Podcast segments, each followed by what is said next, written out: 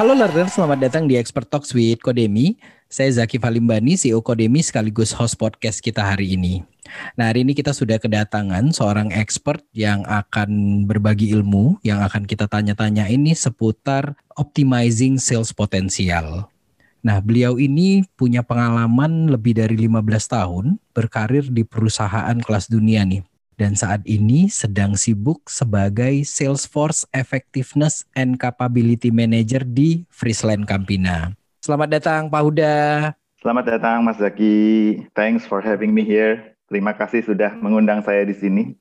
Terima kasih loh Pak sudah meluangkan waktunya. My pleasure. Pak Huda, ini sebenarnya uh, agenda pribadi nih Pak. Jadi Kodemi itu kan sudah sudah mulai agak berkembang nih Pak ya tim salesnya. Udah mulai banyak dan kita udah mulai mikirin nih uh, developmentnya seperti apa. Artikel udah kita baca, video di YouTube udah dilihat, training, webinar udah kita ikutin dan ini kita harus nanya-nanya nih gitu kan ya. Nanya ke siapa gitu. Oh, nanya ke Pak Huda gitu kan. Tapi kalau lewat WA atau lewat telepon kayaknya nggak bakal bisa lama nih gitu. ah, kita ajakin bikin podcast aja. Karena mungkin Pak udah, mungkin ini kan bukan cuma permasalahan di Kodemi Pak ya. Banyak teman-teman kita di luar sana, perusahaan kecil, sedang punya masalah yang sama nih. Gimana meningkatkan potensi tim salesnya. Nah cuma Pak Uda, sebelum itu saya mau ngobrol sedikit nih Pak, soal karirnya Pak Huda. Dulu kuliahnya kan di UI ya Pak ya? Jurus Betul Financial Management, manajemen keuangan. Iya. Tahun 99 lulusnya. Betul. Pekerjaan pertamanya ngurusin brand sama produk nih, Pak. Betul. Kenapa agak nyasar nih, Pak? uh, pertama kecemplung, kedua nasib, mm -hmm. yang ketiga sebetulnya passion mungkin ya. Jadi yang menarik adalah waktu awal kuliah pun kalau kita uh, kuliah kan banyak kan kegiatan kemahasiswaan dan lain sebagainya gitu kan ya. Kalau saya selalu melihat sejak dulu kuliah itu cuman sebagai media ya.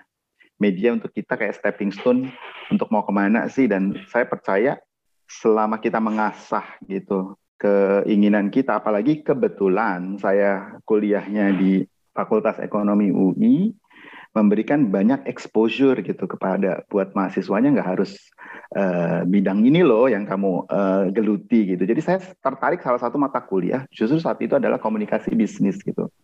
Oke. Okay. Di, uh, uh, di komunikasi bisnis itu kok saya enjoy banget gitu kan di uh, uh, di salah satu mata kuliah itu dan kebetulan dosennya juga uh, menginspirasi ya kebetulan dia salah satu petinggi di salah satu uh, agency company gitu waktu itu Nah, mulailah tertarik dengan kaitannya dengan branding, salah satu brand management. Tapi kalau kita ngelihat, kok saya nyemplung di financial management ya, nggak ngambil marketing aja saat itu. Karena kebetulan kalau di ekonomi UI itu kan semester 3 itu kita dikasih kesempatan tuh ngambil jurusan dan lain sebagainya bisa apalah gitu.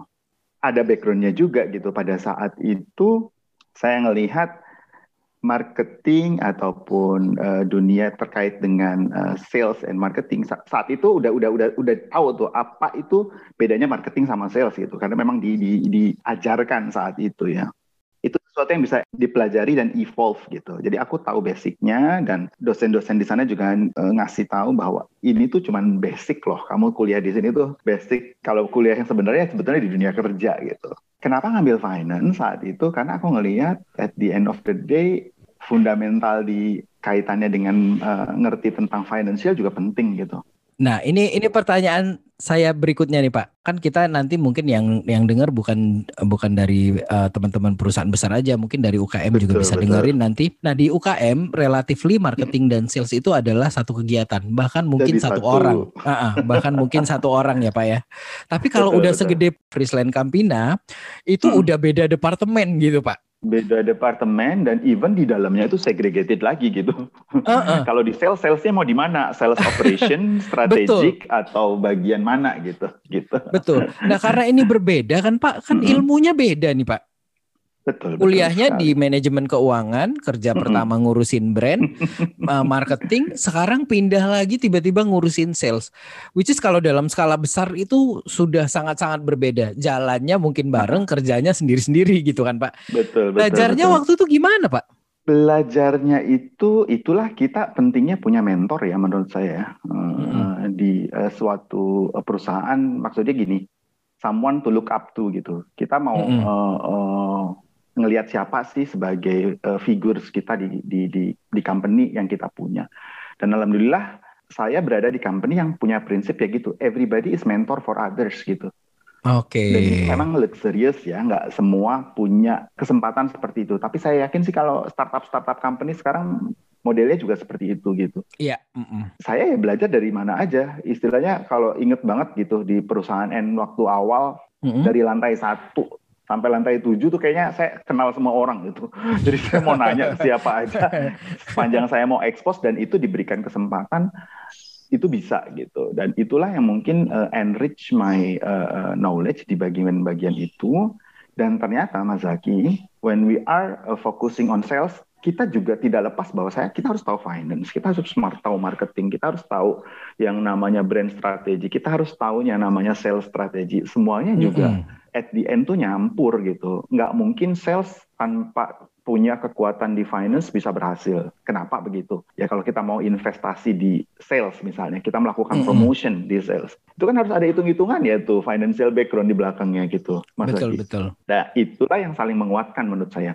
Jadi so don't worry apa pun uh, background kita, dan saya banyak juga nemuin bahkan teman-teman di sales maupun di marketing itu backgroundnya technical gitu, backgroundnya juga ada yang IT malah arsitek gitu beberapa. Betul betul Pak, betul. Karena kalau menurut saya semua orang itu sales Pak.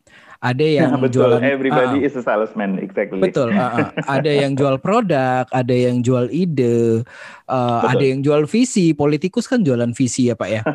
gitu. Uh, uh. sekali Mas Uh, uh. Nah, ini sampai sekarang dari karirnya hmm. yang uh, sampai sekarang itu berkutat di sales nih Pak.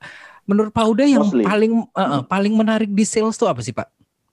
yang paling menarik di dunia sales itu kan mm -hmm. kalau namanya sales itu kan kayak never ending uh, story gimana sih at the end of the day kita winning the customer heart gitu customer ya kalau mm -hmm. consumer itu urusannya brand urusannya yeah. marketing urusan mm -hmm. kita tuh di customer gitu kan dan customer itu juga evolve from time to time berevolusi kebutuhannya, Betul. strategi mereka juga berubah, kemudian cara kita mendekatinya, approaching mereka juga berubah, teknologi berubah, dan itu menurut saya the beauty of uh, uh, uh, sales itu, menurut saya yaitu gimana kita bisa adjusted while still focusing on our uh, strategi juga untuk memastikan bahwa apa yang kita mau bisa diterima oleh customer kita dan mereka mau buy in our ideas, our product gitu. In this case, kalau saya jualan produk gitu. Nah, tim sales ini kan uh, adalah salah satu tim revenue generated Pak ya, yang ada targetnya semuanya. Kalau kalau nggak jualan gimana kita gajian gitu kira-kira gitu Pak ya. menurut menurut Pak Hudan ya. Pressure-nya di sales ya. Pressure-nya tuh di sales gitu kan. Hari, oh. hari kemarin tuh sales closing tuh waktunya. Nah ya, hari kemarin. hari kemarin tuh sales High closing. Pressure. Uh -uh. Sampai semalam baru tidur jam setengah dua belas nih lihat. Tuh. Nah, itu kan uh, apa ya? Pressure-nya tinggi banget gitu kan ya. Hmm menurut Pak Uda nih apa sih Pak yang akan menjadi penghambat kinerja tim sales nih apa aja nih dari belasan tahun Pak Huda berkarir kira-kira menurut Pak Huda benang merah penghambatnya itu dari beberapa perusahaan yang Pak Huda pernah berkarir itu apa ya pernah Pak ya? Berkarir. Ya, hmm. kalau menurut saya yang paling menghambat adalah kalau kita sudah pada comfort zone, Mas. As far oh. as I understand tuh di situ. Jadi kalau kita menemukan tim kita udah pada posisi comfort zone gitu, hmm. dia tuh hmm. udah kayak auto automation banget gitu. Kerja tuh hmm. A sampai Z, gue ketemu customer ini, ini, ini, ini gitu. Hmm. Itu kecenderungannya untuk look up another opportunity itu yang sering kali jadi penghambat. Makanya okay. ideal sales organization dua tahun tuh harus move. Kamu harus pindah gitu ke tempat yang lain. Dan itu juga yang saya tanamkan di diri saya saya selalu minta Pak maksimum satu setengah tahun sampai tiga tahun deh saya ada di satu posisi. Kalau enggak saya bosan kalau udah bosan okay. saya stuck dan bukan produktif malah akan destruktif gitu. Itu yang pertama mas. Yang kedua adalah procrastination menunggu atau menunda gitu. Kalau sales kan kalau lo nunda itu tinggal dicaplok siapa aja gitu kan. Yeah, siapa uh, lagi gitu. Betul. Kesempatannya akan diambil orang lain gitu. Intinya seperti betul. itu. Yang berikutnya lagi adalah open minded banyak sekali orang yang punya istilahnya ya udahlah saya taunya begini gitu kan. Mm-hmm. Apalagi ya kalau di sales organization jangan khawatir Mas Zaki terutama di fast moving consumer good ya, Anda mm-hmm. akan menemukan tim yang usianya 50 tahun sampai mm-hmm. tim yang usianya 23 tahun baru lulus kuliah. Mm-hmm. Mereka kerja in the same level gitu. Can you imagine gitu kan? Beda speednya gitu. Kita butuh experience-nya dari yang senior, kita butuh speed dan creativity-nya dari yang uh, muda-muda ini. Nah itu memang dibutuhkan dalam balancing itu. Nah kalau yang tim senior ini udah nggak open minded mm-hmm. itu akan sangat susah untuk yang namanya perubahan. Oke. Okay. Dan balik lagi mas, namanya perubahan di organisasi sales ataupun sebetulnya sih organisasi mana pun ya, tapi mungkin kalau aku ngelihat di karena kebetulan bidangku adalah sales itu sesuatu yang lima tahun enam tahun terakhir ini rapid changing banget gitu. Mm -hmm. Bahkan kalau kita nggak bisa ngikutin perubahan itu benar-benar tim-tim senior ini kalang kabut lah. Akhirnya ya terdupak sendiri gitu kasarnya. Akan tereliminasi dengan naturally gitu. Kan tadi ada ada sales yang senior, Pak ya, ada Betul. ada yang baru uh, baru lulus, fresh graduate mm -hmm. gitu ya. Ada exchange knowledge di situ ya, sengaja uh, Pak Huda buat kayak gitu supaya ada exchange knowledge-nya gitu, Pak ya. Pastinya. Namanya sales fundamental, Mas Zaki, yang base itu jangan sampai hilang ya. Kalau misalnya perusahaan udah per bulan segini T gitu kan kebayang kan kalau iya iya iya. yang fundamentalnya nggak kena aja udah bisa hilang semua gitu kan. Ngomongin fundamental nih Pak ya. Dan kebetulan kita mau ngobrolin soal people development. Menurut Pak Huda sendiri nih Pak ya fundamentalnya pada saat kita mau melakukan training untuk seorang sales yang 23 tahun tadi mm -hmm. itu, itu apa aja sih Pak yang harus kita training? Speednya udah bagus nih ya, speednya pasti bagus banget yeah. karena anak muda. Tapi kan secara experience dan lain-lain masih yeah. masih baru. Nah menurut Pak Huda yeah. apa nih Pak yang harus di develop Pak? Yang paling harus di develop adalah proses salesnya, bukan hasil salesnya. Oke. Okay. Saya orang proses ya. I believe mm -hmm. kalau prosesnya benar, result mm -hmm. will coming.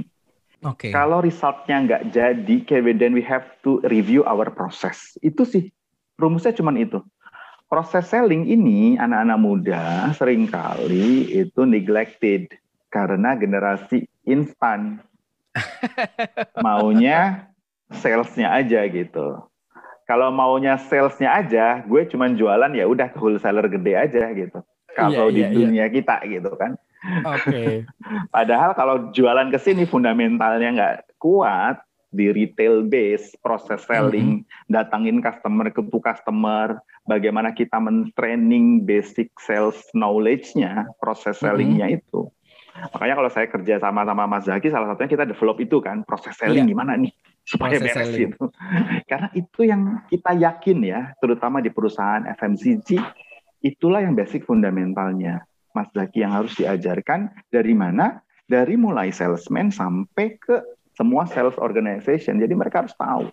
Nah, menarik nih terkait sales proses ini, Pak. Untuk mungkin perusahaan kelas besar itu uh, sales prosesnya itu kan sudah sudah terdefinisi dengan baik ya, Pak ya. Betul, betul. Kalau ada perusahaan kecil, perusahaan sedang hmm. yang baru mau membuat sales proses, Pak. Harus ngapain nih, Pak Udah? Gimana nih cara bikin sales prosesnya, Pak? Sales proses itu sebetulnya berdasarkan logic dari mulai approaching kan mendatangi customer, hmm Kemudian kita berinteraksi dengan customer seperti apa. Kemudian pada saat ketemu customer itu juga apa yang dilakukan. Kemudian apa yang kita siapkan juga untuk jualan produk kita. Gitu kan itu ngomongin proses ya. Kemudian mm. kita apalagi di dalamnya itu setelah itu mengoffer apa yang kita mau. Namanya selling proposition apa yang kita mau ke customer. Setelah itu bagaimana kita uh, handling komplain mereka sebelum kita yang namanya proses closing. Dan itu semua perlu latihan, Mas. Datengin customer aja. Say hello. Itu harus ada standarnya, Mas. Ya kalau misalnya kalau di Frisian Flag, kita ajarkan gitu, salam sehat bersama Frisian Flag gitu. Itu yang simple gitu. Dan apakah dijalankan atau enggak, ya itu yang standarnya yang kita expect bisa diitukan. Kenapa ada message di situ, greeting standar gitu kan. Okay. Kemudian yang berikutnya adalah proses di dalamnya. Pada saat ketemu, setelah ketemu, say hello dan lain sebagainya itu pun terstandar gitu. Gesturnya seperti apa kita ajarin juga gitu. Kalau okay. customer sedang posisinya kayak gini, apa yang mesti kita lakukan? Kalau customernya biasanya kita tahu, oh cuacanya lagi apa nih? lagi mendung, lagi uh, berawan atau uh, cerah ceria gitu, approach-nya pasti berbeda gitu. Atau lagi sibuk banget gitu. Kadang-kadang dia juga lagi ngalah menginikan customer yang lain, apa yang mesti kita lakukan? Itu dilatih semua, Mas Zaki. Nah, buat perusahaan-perusahaan yang baru merintis, mungkin itu start dari situ dan mengetahui features produk kita, benefit produk kita juga menjadi hal yang sangat krusial gitu. Karena kalau ke customer, kebetulan saya kan barangnya ada gitu kan. Kalau yang hmm. barangnya yang intangible ya kita menjual features kan. Betul, betul. Gimana kita bisa meyakinkan menjual produk yang ada aja itu lumayan butuh latihan gitu. Barangnya hmm. ada nih kelihatan, bisa dipegang, bisa dirasa. Itu kan another features and benefit yang kita bisa tawarkan tuh kalau produknya real. Tapi kalau yang jasa ini relatif lebih susah lagi. Paling juga eh, yang bisa kita tawarkan adalah experience, testimoni dari customer-customer yang lain atau seperti apa yang bisa kita tawarkan. Nah, kalau salesman kita juga nggak expert terhadap knowledge produk yang kita punya, jadi gimana bisa approaching? Oke. Okay. Apalagi yang dia jual adalah misalnya promotion. Banyak kita punya promosi gitu tapi dia sendiri nggak bisa jual atau lupa gitu dengan apa yang bisa harus dia offer. Nah, teknologi bisa sangat membantu hal itu gitu, Mas Zaki. Misalnya di di order prosesnya di dalamnya itu uh, sudah kita embed dengan features-feature yang ada gitu. Itu akan sangat membantu pada saat salesman melakukan proses selling. Setelah itu yang berikutnya adalah handling complaint. Handling complaint juga A to Z ya. Itu juga another things yang harus dilatih juga. Setelah itu pastikan closing terjadi gitu closingnya itu bisa say goodbye, say hello gitu kan, hai saja gitu, atau jadi order gitu. Nah ini juga harus dipelajari begitu say hello, say goodbye, why gitu kan. Balik lagi ke depan kan, apa yang salah nih? gitu Mas Zaki.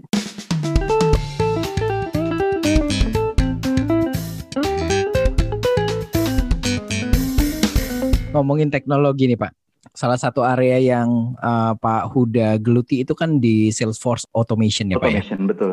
Salesforce Automation ini menurut Pak Uda nih, hmm. kapan nih sebuah startup, kapan nih sebuah company harus sudah mulai harus masuk sudah mulai, ke Salesforce ya. Automation ya. gitu? Kalau dulu 2013, mm -mm. investment di Salesforce Automation itu mahal banget gitu.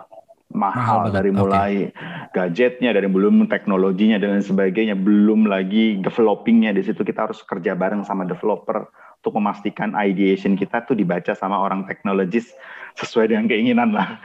Itu juga butuh waktu gitu. Kalau sekarang itu relatif sebetulnya kalau saya bilang lebih murah ya dan terjangkau. Untuk perusahaan uh, startup sendiri kawin dengan teknologi uh, Salesforce automation kalau menurut saya sih suatu keniscayaan ya keharusan sekarang ini dan harus sudah mulai difikirkan tidak perlu sesuatu yang mahal-mahal dulu. Yang jelas activity dari tim kita itu bisa terbaca dan tertrack dan saya yakin banyak sekali uh, aplikasi yang ada di pasaran yang bisa membantu itu semua. Kalau benar-benar startup dari awal kita harus berdamai dengan situasi. Uh, betul, masih paper based, it's okay juga yeah. gitu.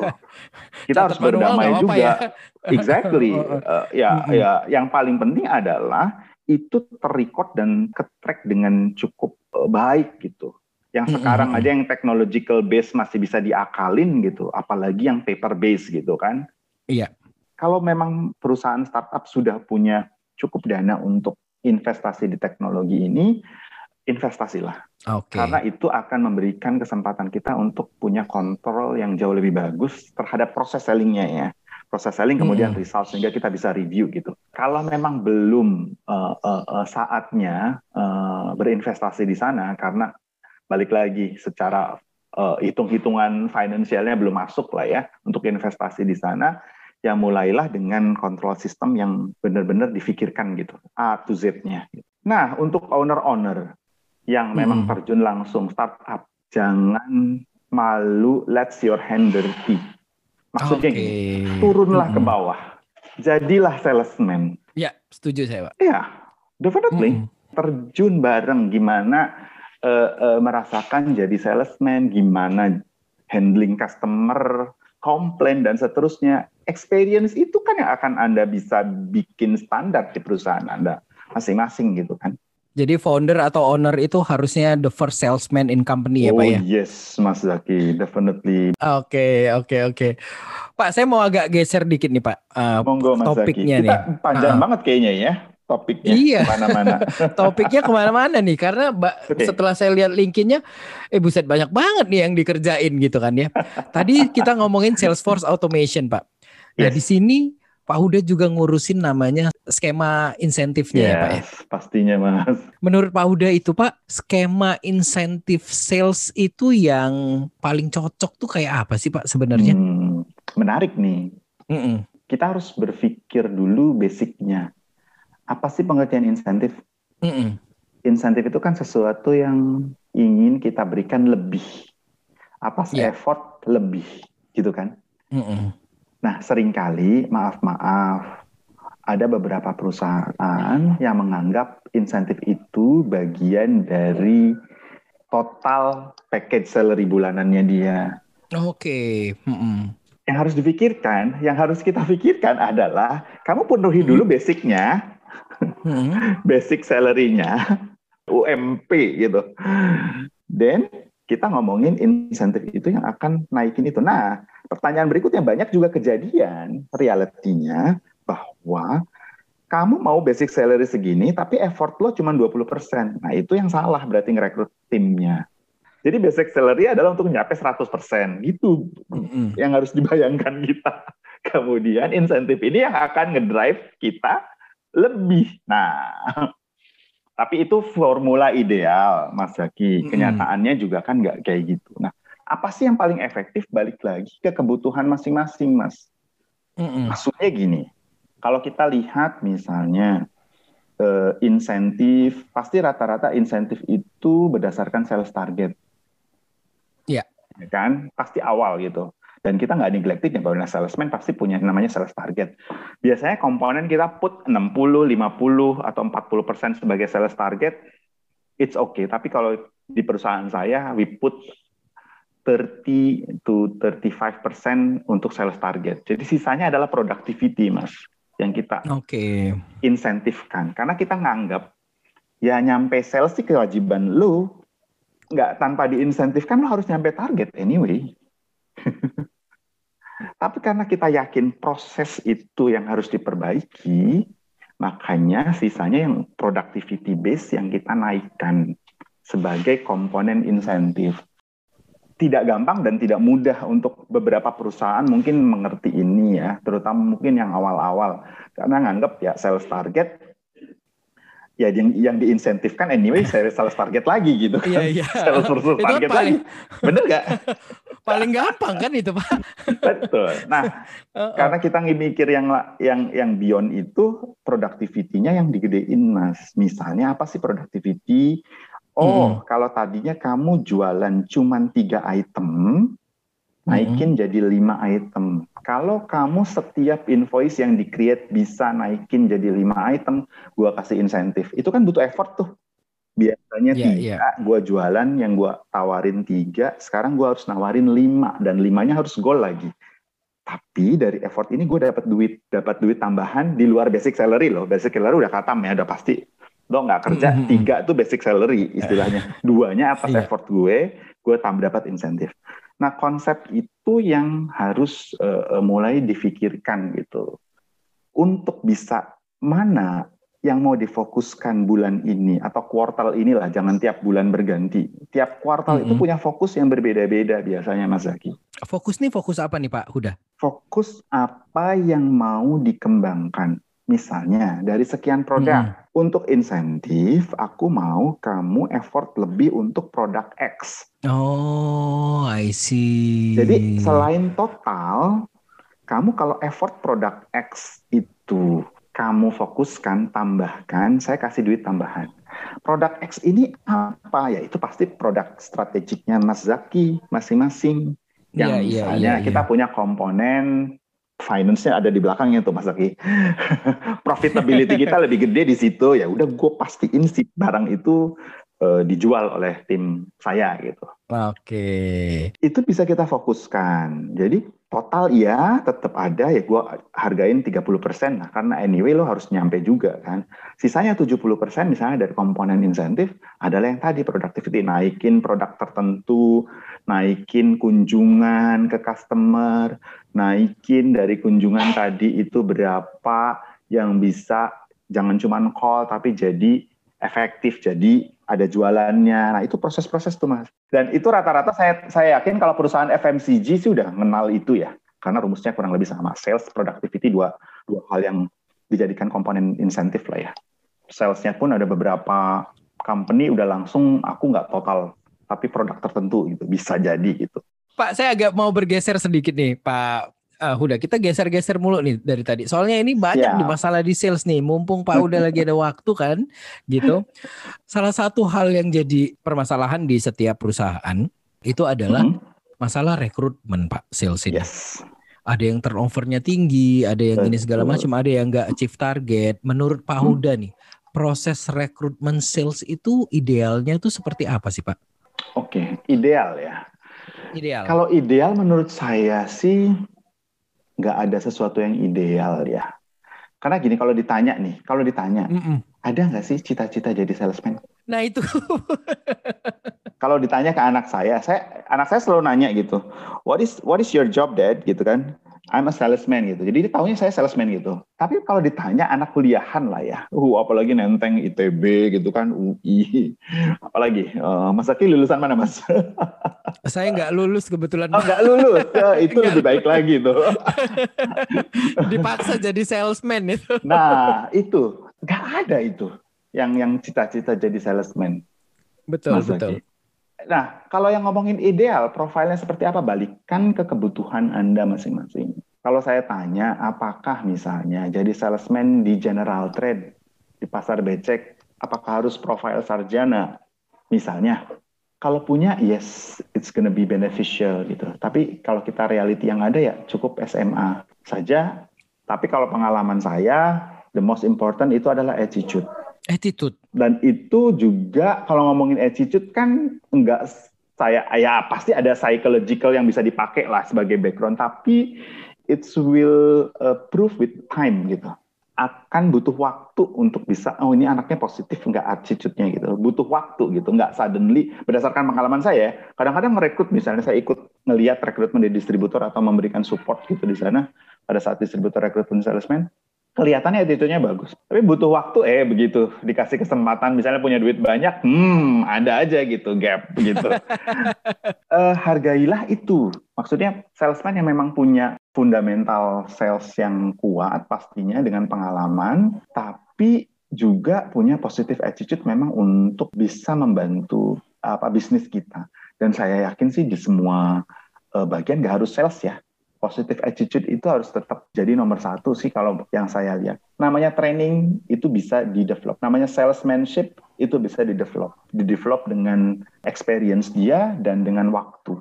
Dan pastinya dengan apa cara proses training yang benar juga gitu. Oke. Okay.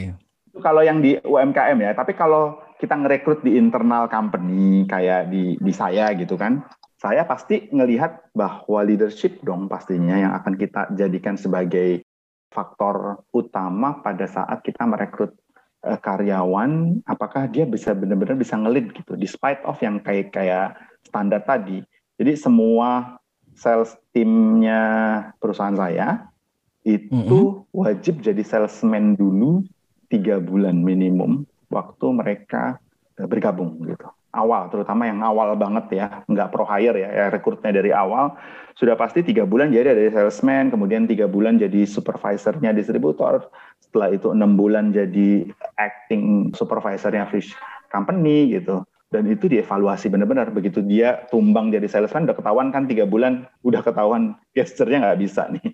Nah ini ini pertanyaan selanjutnya nih Pak Pak Huda ya. Kapan kita tahu ah ini nggak cocok sama tim. Yeah. Kapan kita harus kita udah nggak no. bisa kerja sama lagi? Say no gitu. Poinnya adalah pastinya kita punya standar, Mas Zaki. Setiap company punya standar. Misalnya gitu kan, pasti kalau rekrutmen terkait dengan basic knowledge dan lain sebagainya, expertise lulusan IPK dan lain sebagainya, semua udah sesuai dengan standar. Apalagi waktu kita sudah sampai interview, sampai mereka masuk lah. Intinya kita nggak bahas part itunya ya. Jadi iya. basicnya mm -hmm. masuk. Tapi begitu dia choose organization, mau jadi sales team, ya itu kan butuh guts juga gitu gue lulusan nenteng uh, gajah gitu kan ITB atau nenteng Makara UI gue suruh jadi salesman naik motor gitu kan ke pasar becek, pasar becek. ya kan aduh ke pasar becek aja itu udah mungkin so yesterday ya 10 tahun lalu yeah, mungkin yeah. saya ke sana gitu kan dan sekarang harus ketahui itu akan kebaca Mas Zaki anak yang memang okay. bisa adjust uh, dengan uh, uh, situasi yang ada. Karena kenapa? Reality talk, our business is masih di situ di general trade. Jadi mau nggak mau kamu harus kawin dengan posisi ke keadaan itu gitu. Jadi harus tahu siapa customer kita. Balik lagi mas, kenapa sih tujuannya kita kita harus tahu customer kita seperti apa gitu. Ketahuan banget mas Zaki, anak sebulan aja udah banyak yang tipes gitu. ya, Habis ya, itu ya. mamahnya nggak ngasih inilah izin, ya udahlah lewat gitu kan. Ya. Kejadian mas. So don't worry about that. Udah ketahuan tiga bulan awal itu bener-bener oh kayak poin awal lah. Bukannya kita nggak kayak nggak respect gitu. Maksudnya harus sampai ke ke sana-sana enggak kayak gitu karena kita pengen tahu kita pengen mereka growth bahwa the real business is this gitu.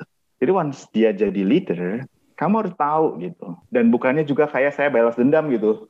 Saya juga dulu pada saat karir begitu enggak juga gitu, bukan kayak gitu. Memang kebutuhannya kayak gitu. If you wanna become like us gitu, ya kamu harus tahu customer kamu siapa gitu. Kamu harus tahu dealing sama wholesaler wholesaler gede itu kayak gimana gitu kan kamu harus tahu istilahnya kalau di Jakarta ke Tanjung Priuk di ujung sana ketemu preman gitu dalam tanda gitu kamu juga harus tahu yeah, yeah, gitu yeah. kan betul, kayak gitu supaya apa? Satu nggak diakalin sama salesman. Nggak dibohongin mm -hmm. kamu tahu bisnis proses. Kamu tahu bisa memberikan apa? Suggestion kemudian. Nah pada saat training itu basic training uh, tadi Mas Zaki ketahuan mana yang bisa nyerap, mana yang memang bisa survive dan, dan bukan berarti maksudnya background keluarganya yang istilahnya maksudnya dari kedua keluarga sederhana juga ya harus jadi iya, salesman enggak, enggak juga Mas Adi. iya, Banyak iya, juga millennials millennials sekarang pun hmm. saya selalu tanamkan gini. This is your hmm. chance and your only chance to know and then don't okay. think you're gonna come back again gitu. Maksudnya gini, saya tanamkan gini. Ini tuh memang kayak kawah canda di mukanya kamu kalau mau berjuang di FMCG itu ya awalnya begini, terutama fast moving consumer good ya. Ya harus ke pasar becek, kemudian harus tahu gitu. Iya, tahu masalah lapangannya kayak apa ya Pak ya? Betul Mas. The real problem happen in the market. iya. Pak udah pertanyaan terakhir nih Pak. Minta tips dong Pak untuk perusahaan-perusahaan baru ya. yang sedang mau membuat strategi development salesnya Pak? Ya. Tips dari Pak Huda apa Pak? Kalau tips dari saya yang tadi, uh, you have to know your customer. Because at the end of the day, kita tidak mungkin nyampe ke end consumer tanpa customer, via customer. Jadi tahu harus tahu banget siapa customer Anda dan sebelum ke arah sana, Anda juga harus tahu dan yakin terhadap produk yang anda tawarkan atau Anda okay. jual. Kalau memang service ya Anda harus benar-benar tahu features and benefitnya produk yang akan Anda jual. Kalau tanpa itu kamu nggak bisa bikin kayak visi misi mau ke mana gitu kan. Yang berikutnya adalah let's your hand dirty. Maksudnya turun ke bawah, tahu kondisi lapangan, tahu kondisi keadaan. Mulailah jadi seorang salesman perusahaan Anda sendiri, kalau misalnya perusahaan ini mulailah tahu gimana caranya jadi packer, packing gitu kan. Mulailah tahu benar-benar very basic in every single part gitu. Yang berikutnya adalah mau repot, mau repot itu adalah pada saat Anda memulai sesuatu, ya kerempongan itu pasti menjadi suatu keniscayaan karena harus ngurusin sendiri A sampai Z. Dari mulai customer service, finance, marketing, apalagi salesnya juga. Semuanya gabung-gabung gitu. Karena kita nggak punya luxurious juga punya tim banyak gitu kan. Oke, Pak Huda, terima kasih banget waktunya Pak Huda. Sama-sama udah Mas Zaki, my pleasure. Membantu sekali ini Pak Huda. Mudah-mudahan lancar pekerjaannya Pak Huda ya. Amin, amin, amin. Thank you Mas Zaki. You too. Sukses for Kodemi ya. Thank you, thank you banget ya Pak Huda ya.